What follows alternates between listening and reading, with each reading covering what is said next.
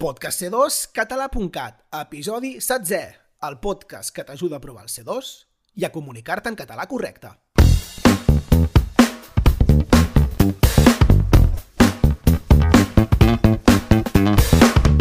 Benvingut, estimat oient, una vegada més al podcast de c2català.cat. Al podcast anterior et vaig preguntar si sabies quin dels dos personatges, la Mariona o l'Otorrino, feia un mal ús de la llengua i provocava una confusió.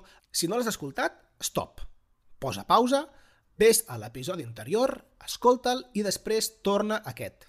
En tot cas, com anava dient, tenim dos personatges i un provoca una confusió en la comprensió del missatge. Saps quin dels dos és? És la Mariona. La Mariona no té gens clar el significat del verb olorar. El confon amb el que té en castellà. En castellà, el verb oler significa aspirar aire pel nas, però també serveix per indicar l'olor que fa una cosa. En català, però, distingim entre olorar, que significa aspirar aire pel nas, i fer o sentir olor de, del que sigui, de fum, de gas, de colònia, de macarrons o de no haver-se dutxat. Aquí faig un petit parèntesi, fixa't que dic olor de, no olor a. Olorar sempre és una acció que fem, els que tenim nas, per sentir l'olor d'una cosa. És com ensumar, més o menys. Així, direm, olor aquesta rosa, fa molt bona olor, que seria equivalent a dir, ensuma, ensuma aquesta rosa, fa molt bona olor. També podríem dir, aquest gos olora tots els arbres, aquest gos ensuma tots els arbres. En canvi, si volem fer referència a l'olor que fa una cosa, direm aquesta rosa fa bona olor, o no. Però mai direm aquesta rosa olora bé, perquè si diguéssim que la rosa olora bé, estaríem atribuint a la rosa la capacitat d'ensumar per ella mateixa, com si tingués un nas i olfacte.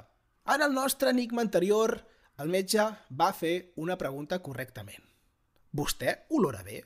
Volia saber si la Mariona tenia el nas tapat o si sentia bé les olors. Però la Mariona va donar al verb olorar un significat que no té. I es va pensar que li preguntava si ella, si la Mariona, feia bona olor.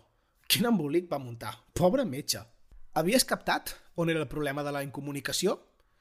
Tant si és que sí com si és que no, ara ja ho saps. Ja no tens cap excusa per fer-ho malament. Si creus que estàs aprenent, subscriu-te al nostre podcast i comparteix-lo amb qui creguis que pot estar interessat.